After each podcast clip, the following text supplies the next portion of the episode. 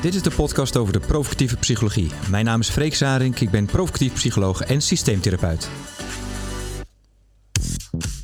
Welkom bij deze 25e podcast en de ene laatste in de serie over de Fairley-factoren.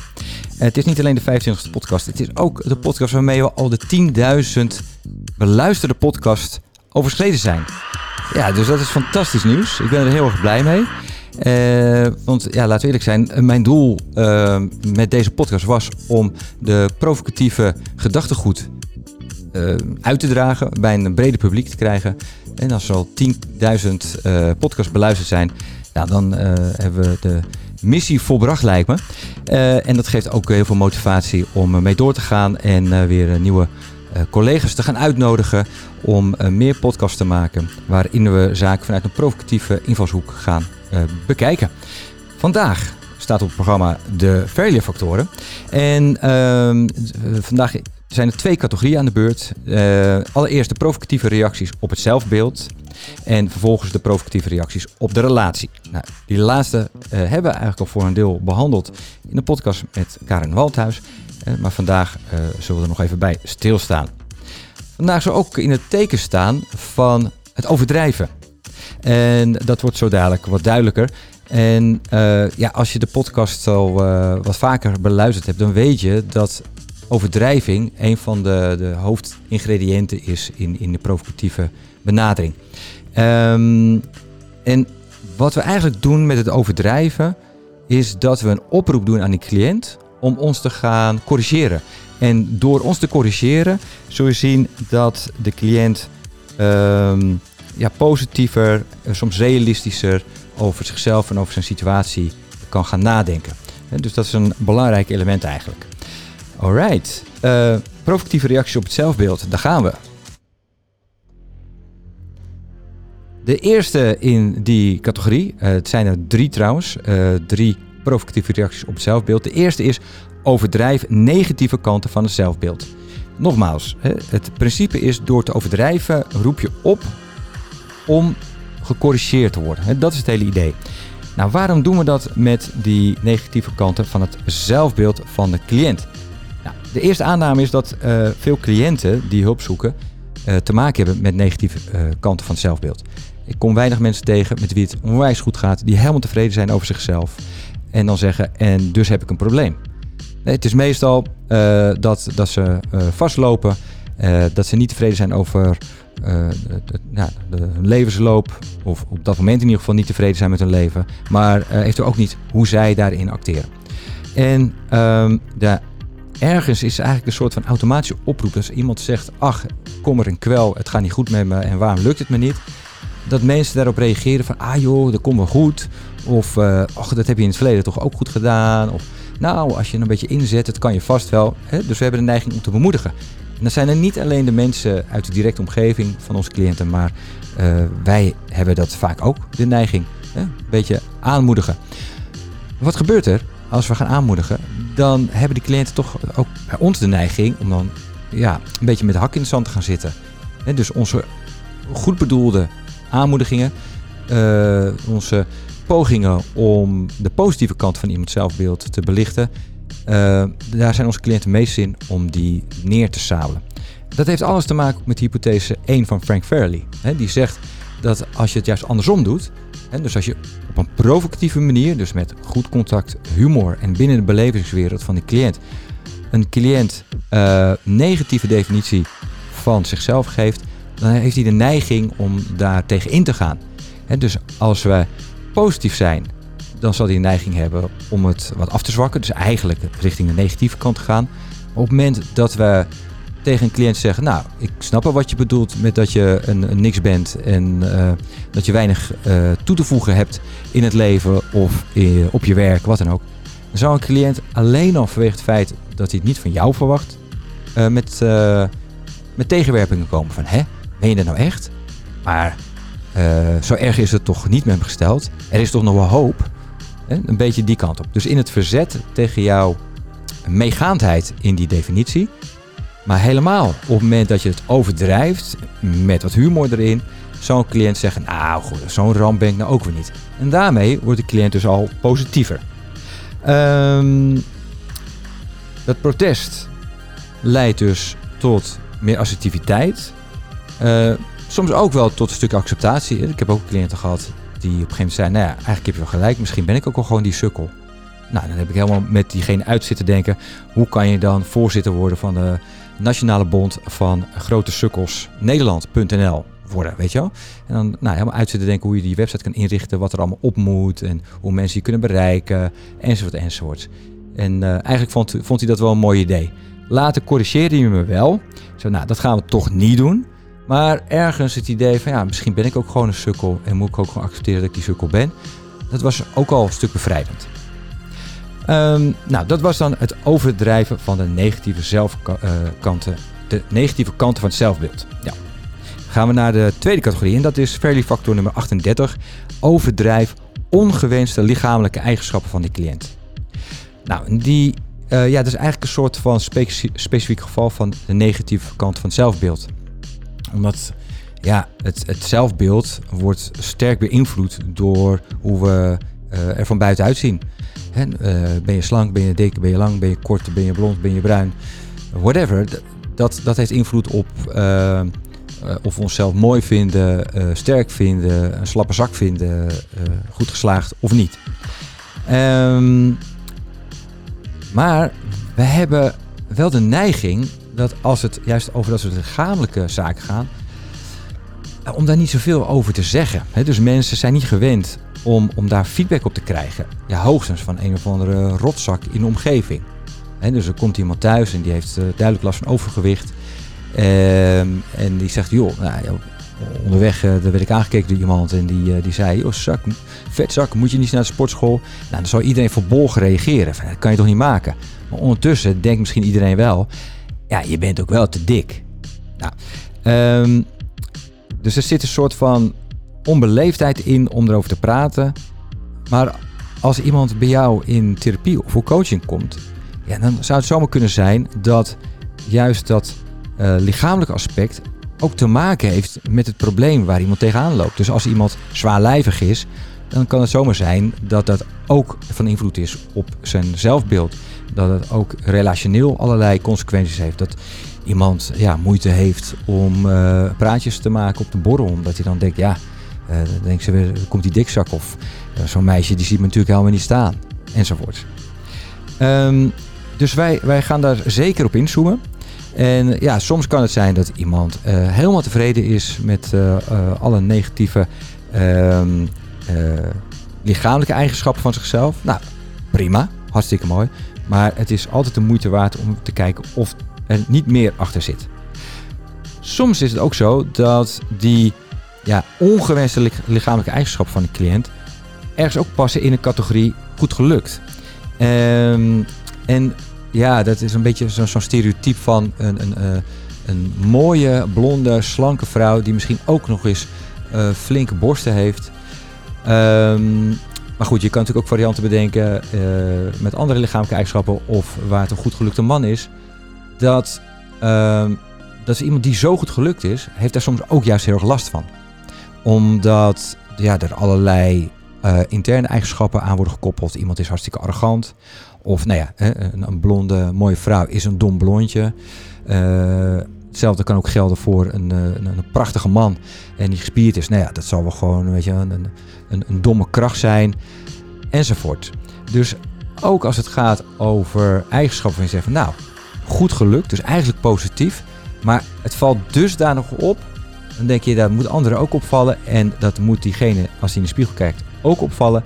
Ook dat kan van invloed zijn op het probleem waar de cliënt mee komt. Dus daar zullen we zeker ook opmerkingen over maken en uh, natuurlijk ook weer in overdrijven. Dan tot slot in deze categorie provocatieve reacties op het zelfbeeld gaan we kijken naar overdrijf culturele stereotypen. Ja, dus eigenlijk een soort van glijde schaal merk ik hierin. Van negatieve kant van het zelfbeeld naar, ja, je kan eigenlijk niet echt tegen iemand zeggen: Goh, wat stink je toch naar zweet? Kan je niet eens een keer deo gebruiken? Uh, naar culturele stereotypen. Dat ligt nog gevoeliger. En denk zeker in deze tijden met uh, nou ja, de hashtag MeToo, Black Lives Matters. Um, de polarisatie in de maatschappij zorgt er ook voor dat we op de een of andere manier voorzichtiger moeten zijn met wat we zeggen. Maar het is natuurlijk wel zo dat iemand die naar Nederland komt uit, weet ik veel, Afghanistan of uit Somalië of uh, Latijns-Amerika, die heeft te maken met een maatschappij in Nederland die daar toch ook meningen over heeft. En uh, ja, ik ben natuurlijk een typische uh, voorbeeld van iemand die een, totaal geen opmerking over mag maken. Want ik ben blank, ik ben een man en ik ben 25 jaar en ik heb gewoon een redelijk salaris. Dus in alle categorieën heb ik niks te mekkeren. Maar dat is juist precies het hele idee. Ik kan me niet voorstellen hoe het is om bijvoorbeeld in Nederland geboren te zijn en hartstikke donker te zijn.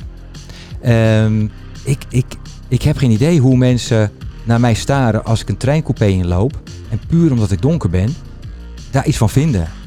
Wat, wat doen die starende blikken? Uh, ik word niet uh, achtervolgd door uh, blikken van mannen die denken: Oh, wat is dat voor, voor, voor mooie vrouw? Het heeft trouwens misschien wat minder te maken met echt hele culturele stereotypen. Hoewel, als ik met mijn puberdochter over straat loop, dan zie ik wel al die mannen kijken. Niet naar mij, maar wel naar haar. Maar de gemiddelde man heeft niet die ervaring hoe het is om de hele tijd maar bekeken te worden. dus het is uh, lastig om jezelf, in ieder geval in mijn geval, met erin te verplaatsen. Maar het is 100% zeker dat de gemiddelde vrouw die ervaring heeft dat ze nagestaard wordt. Dat iemand die een hele donkere huidskleur heeft, dat hij heel vaak te maken heeft met allerlei blikken of mensen die op een of andere manier reageren. Uh, dat als je Noord-Afrikaanse uh, uiterlijk hebt, dat mensen meteen al denken, nou, uh, weet je, hou je portemonnee maar bij, dichtbij je, want je weet maar nooit. Dus als zo iemand binnenkomt in, in mijn spreekkamer, dan ja, is er grote kans dat als er maar een beetje aanleiding is, dat ik dan ook dat, dat ga ja, invoegen in, in de sessie. En ik moet denken aan een cliënt die uit Noord-Afrika kwam. Uh, maar gewoon Nederland opgegroeid, hartstikke succesvol. Eh, een bepaald type auto reed. En zichzelf eigenlijk al ervoor schaamde dat hij in zo'n auto reed. Omdat hij dacht, ja, ik word gezien als een, als een crimineel. Dus hij had de neiging om zichzelf ten overstaan van alles en iedereen altijd te verontschuldigen bij elk feestje waar hij was. Om meteen maar te zeggen uh, wat voor werk hij deed en dat hij leiding geeft aan allerlei medewerkers.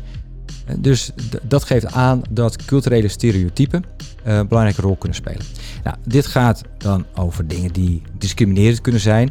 Maar het kan natuurlijk ook zijn over ja, een verschil tussen nou, hoe ga je een relatie aan. Hè? Dus ik heb ook wel eens uh, mensen begeleid in relatietherapie die uit India kwamen en uitgehuwelijk waren. Uh, ja, ik heb daar de ballen verstand van. Maar wat ik wel kan uh, doen is vanuit mijn beperkte blik over wat, ja, hoe, hoe, hoe is dat om uitgehuwelijk te worden, uh, wel de consequenties overdrijven voor de, voor de verkeringsfase waar mensen in zitten. Of als het gaat over hoofddoekje op, hoofddoekje af bij een uh, islamitische vrouw die in therapie komt, uh, daar kan ik natuurlijk wel uh, opmerkingen over maken van ja, hoe, dat, hoe dat moet zijn in het geval van nou, als iemand zich niet gewaardeerd voelt of zo. Ja, ik heb geen idee wat dat voor iemand, wat voor belang het voor iemand heeft. Maar ik kan er wel ehm, vanuit de stereotypen kan ik daarnaar gissen. En ja, wat ik het begin al zei, die culturele stereotypen, ja, we leven nu toch wel in een moment waarop het lijkt dat we heel voorzichtig moeten zijn met wat we zeggen. Maar ik denk uh, dat ook in dit geval op het moment dat je goed aansluit bij de cliënt, dat je vanuit goede bedoelingen, vanuit de belevingssfeer van de cliënt die provocaties probeert te geven, uh, dat de cliënt, als het goed is, zichzelf, zichzelf vooral zal herkennen in, in die stereotypen. Uh, doordat je ze overdrijft, nodig je ook hier die cliënt weer uit om jou te corrigeren. En nou, ik speel daarin dan ook wel eens gewoon de, de, de onwetende sukkel. Die, ja, ik heb er natuurlijk geen verstand van. Maar, nou, en dan krijgt de cliënt de kans om mij te corrigeren. Ze nee, jij blanke man, jij hebt er inderdaad geen verstand van hoe het zit is. Nou, en dat is ook weer een uitnodiging om uh, te kijken naar een stukje zelfrealisme, uh, anders perspectief aandragen. Uh, maar vooral ook om bepaalde dingen gewoon bespreekbaar te maken. Alright, nou, dan hebben we nu de drie uh, provocatieve reacties op het zelfbeeld gehad. En dan gaan we over naar de provocatieve reacties op de relatie. Um, in het algemeen is het denk ik goed om aan te geven wat bedoelen we met provoceren op de relatie. Als je kijkt naar uh, uh, waar mensen mee komen, is het eigenlijk altijd het inhoud van een probleem. Ze willen erover vertellen. In sommige gevallen doen mensen ook een deel van het probleem. Um, normaal gesproken, als het goed is, zegt iemand: Nou, dit is mijn probleem, help me erbij. En staat ervoor open dat jij hem of haar helpt. Er zit, uh, om het zo maar te zeggen, in, in zijn of haar cliëntrol. Betekent dat je kwetsbaar opstelt. Uh, betekent dat je bereid bent om uh, nou, jouw, jouw interventies, jouw inzichten daar iets mee te doen. Maar in een aantal gevallen zijn ook cliënten die iets meer doen, alleen maar vertellen waar ze last van hebben. Zij doen ook iets in de relatie met jou. Bijvoorbeeld, iemand kan zich heel erg zwak presenteren, alsof hij uh, ja, het leed van de wereld op zijn of haar schouders heeft en eronder gebukt gaat. En uh, terwijl die met een gebroken stem in tranen uitbarst, terwijl die nog maar een half zin heeft uitgesproken, dan weet je van, hier is meer aan de hand. Natuurlijk, het kan een signaal zijn hè, van iemands veerkracht, maar iemand doet ook een beroep op je om wat voorzichtiger met hem of haar om te gaan. Het tegenovergestelde kan ook voorkomen. Dat in plaats van dat iemand als een ziek vogeltje binnenkomt, dat iemand als een soort van koning-keizer binnenkomt. He, die, die bekijkt mijn, uh, spreekkamer en die kan meteen een opmerking maken. Oh, goh, nou van buiten zag het er wat statiger uit dan van binnen. Goh, toch wel jammer zo'n systeemplafond of zoiets. Uh, of ik kan beginnen te klagen over de slechte bereikbaarheid. En had gedacht dat uh, nou, iemand die een boek heeft geschreven, zoveel podcasts heeft uitgebracht, ja, dat hij toch wel ook een uh, privé parkeerplaats zou hebben voor zijn cliënten. Ik noem maar even wat. Nou, zo'n cliënt die roept meteen al bij mij, en denk bij veel van jullie ook, weerstand op. En ik, jee, wat heb ik nou weer voor type aan mijn klok hangen? Um, en wat die eigenlijk doet, is dat hij uh, afstand neemt van jou. Uh, zeg maar hoog op de Olympus gaat zitten als een soort van oppergod. Dus die komt wel voor hulp, maar die, die staat helemaal niet open voor hulp. Uh, dan hebben we de soulmate. De soulmate is weer iemand die juist heel joviaal is. En het hartstikke interessant vindt allemaal wat je doet. En nou, die ziet dan een poster van mij hangen. een kaart van, van Spanje. Oh, en dan ga ik naar Spanje toe. Nou, hartstikke gezellig.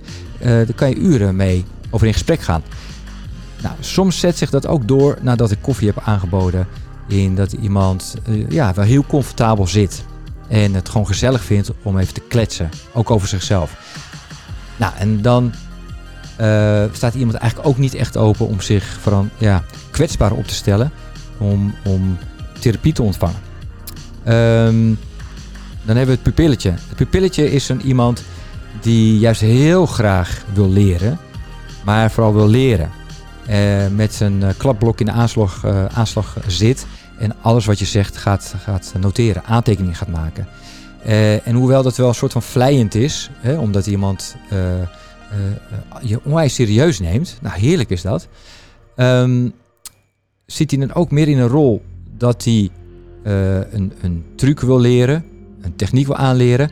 Maar niet dat hij zich openstelt, kwetsbaar stelt voor ja, emotionele uh, ingrijpende interventies. Nou, dan hebben we de krenkeling. De krenkeling, dat is iemand die klaagt over het leven, die klaagt over de collega's, die klaagt over alles en iedereen. Um, en dat doet hij niet uit een soort hooghartigheid zoals de koning keizer. Hè, maar dat doet hij, die wordt soms ook zo verward met het zieke vogeltje. Oh wee, oh waar heb ik toch allemaal last van alles en iedereen. En het is allemaal stom en ze luisteren niet naar me. Bij het zieke vogeltje is de nadruk vooral op en ik kan het niet meer aan. En bij de krenkeling ligt de nadruk vooral op wat is iedereen toch gemeen en onrechtvaardig. En dan hebben we de filosoof. De filosoof, dat is ook iemand die uh, het heerlijk vindt om uh, enorme beschouwingen uh, met jou los te laten over het vak, over het leven. En hoewel dat heel interessant kan zijn, um, betekent het ook dat ja, op het moment dat je beschouwend bezig bent, zit je in je hoofd en zit je niet in je buik, zit je niet in je hart. En mijn overtuiging is het therapeutisch werk vooral emotioneel werk. Dus op het moment dat je te veel in je hoofd zit, te veel aan het beschouwen bent, en dan, dan verandert er niet veel. Nou, dus het zijn zo zes categorieën van cliënten die iets in het contact met jou kunnen doen, waardoor je denkt, wacht even, maar dat, dat schiet denk ik niet op in therapie voor jou. Een goede kans is dat zij vergelijkbaar gedrag ook doen als zij op hun werk zijn of thuis zijn. dus dat betekent dat ook buiten de spreekkamer om het relevant is om iets met die informatie te doen. En ehm, nou, wat ik net al zei, uh, het, uh, de teneur van vandaag is, we hebben het over overdrijven. Dus wat we nu gaan doen is ook overdreven reageren op wat de cliënt doet.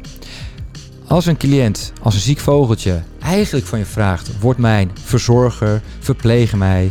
Dan zeggen nou oké, dan doen we dat toch? Maar dan doen we het op zo'n overdreven manier dat de cliënt op een gegeven moment zegt: Nou, nu ben ik er wel klaar mee. Uh, kan je me niet gewoon uh, behandelen als een volwassene? Bij een koning keizer uh, gaan we zo overdreven in de onderdaanrol zitten. Want ja, een koning keizer die wil gewoon dat er naar zijn pijp gedanst wordt. Dus dat doen we dan ook. De soulmate, ja, die vindt het gewoon heerlijk om te ouwehoeren. Nou, wat een geluk. Ik kan ook heel goed ouwehoeren. Sessies na sessies. Totdat de cliënt mij tot de orde roept en zegt... Goh, maar zitten hier toch voor mijn probleem.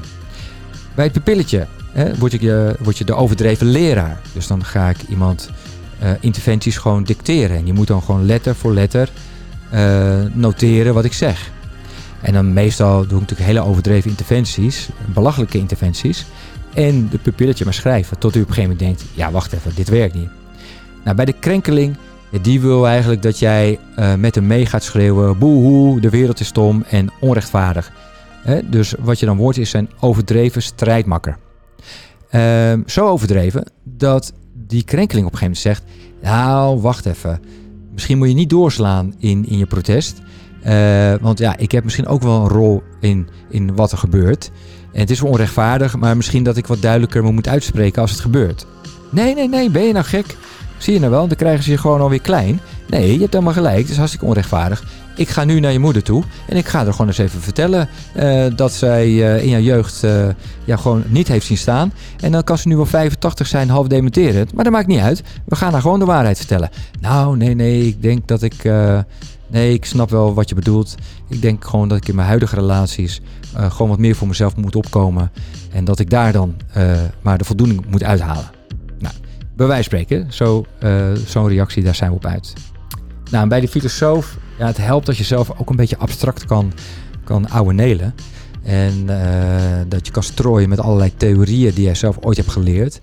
En dan bij elke theorie weer een tegentheorie en vraagtekens bij die theorie kan stellen. Tot die cliënt zegt, ja, maar hier schieten we niks meer op. Ondertussen ben ik gewoon hartstikke bang om de straat op te gaan. Nou, en dan zijn we weer waar we wezen willen. Alright. Nou, dit zijn de provocatieve reacties op de relatie. Voor mij is dit één van de kernpunten waardoor ik de provocatieve stijl zo ontzettend waardeer. Omdat ja, werk op de inhoud bij een gemotiveerde cliënt of je het dan provocatief doet of op welke andere manier dan ook. Dat is gewoon hartstikke leuk. En dat gaat vaak als, ja, vanzelf. En ook als het niet vanzelf gaat, dan komt die cliënt bij je terug en die baalt ervan en die wil heel graag. En dan help je hem weer. En dan, nou, hartstikke leuk. Uh, maar het is juist daar waar een cliënt op een of andere manier in de weerstand zit. Uh, zijn onvermogen uh, ventileert, hè, als een ziek vogeltje enzovoorts. Dat therapie en ook coaching soms heel lastig kan worden, stroef kan lopen, frustrerend kan zijn. En uh, doordat je in het provocatieve meteen iets doet met zo'n reactie, uh, werkt het heel bevrijdend. En het is ook nog eens effectieve feedback voor die cliënt ook.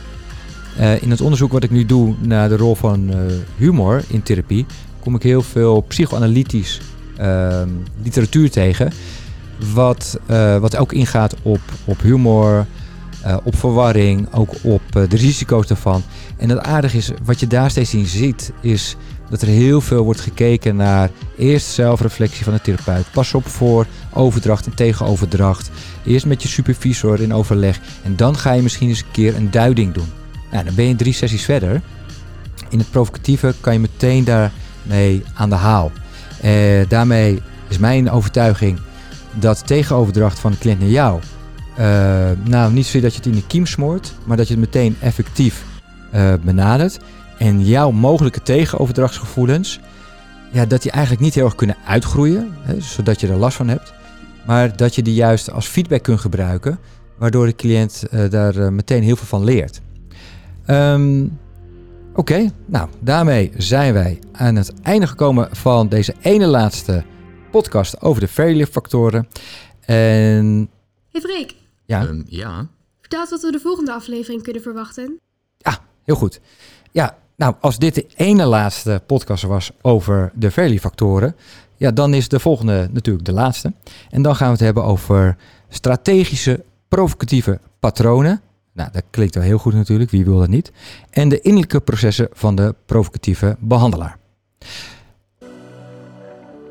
Ondertussen wil ik jullie ook nog meegeven dat als je interesse hebt om zelf uh, de provocatieve stijl aan de vingers te krijgen, dat je naar mijn website kan, provocatiefpsycholoog.nl, voor de cursusmogelijkheden. Zoals de jaartraining, die start in september en bestaat uit zes blokken van twee dagen. Uh, er zal een tweedaagse georganiseerd worden in samenwerking met Rino in oktober. Je kunt ook in-company trainingen aanvragen. Um, volgende podcast is de laatste voor het zomerreces, om het zo maar te zeggen. En na de zomer, dan uh, ga ik wat minder weer de inhoud van het provocatieve werken over jullie uitstrooien. Uh, maar dan gaan we terug naar wat ik voor de Fairly factoren heb gedaan. Is in gesprek met collega's over hun visie op het vak over thema's die zij belangrijk vinden. Uh, en die belicht ik natuurlijk dan ook vanuit mijn provocatieve benadering. Heb jij zelf uh, mensen waarvan je denkt, oh, maar daar moet je mee in gesprek. Dat zou super interessant zijn. Heb je thema's waarvan je denkt, oh, alsjeblieft, ga dat bespreken. stuur dat naar mij door info.provocatiefpsycholoog.nl en maak kans op een van de vijf gratis boeken over de provocatieve psychologie en coaching. Um, nou, ik zie alle suggesties graag tegemoet. En uh, voor de zomer hebben we nog één Fairly Factoren podcast. En daarmee sluit ik vandaag af. Blijf gezond, geniet van het mooie weer, ga je goed.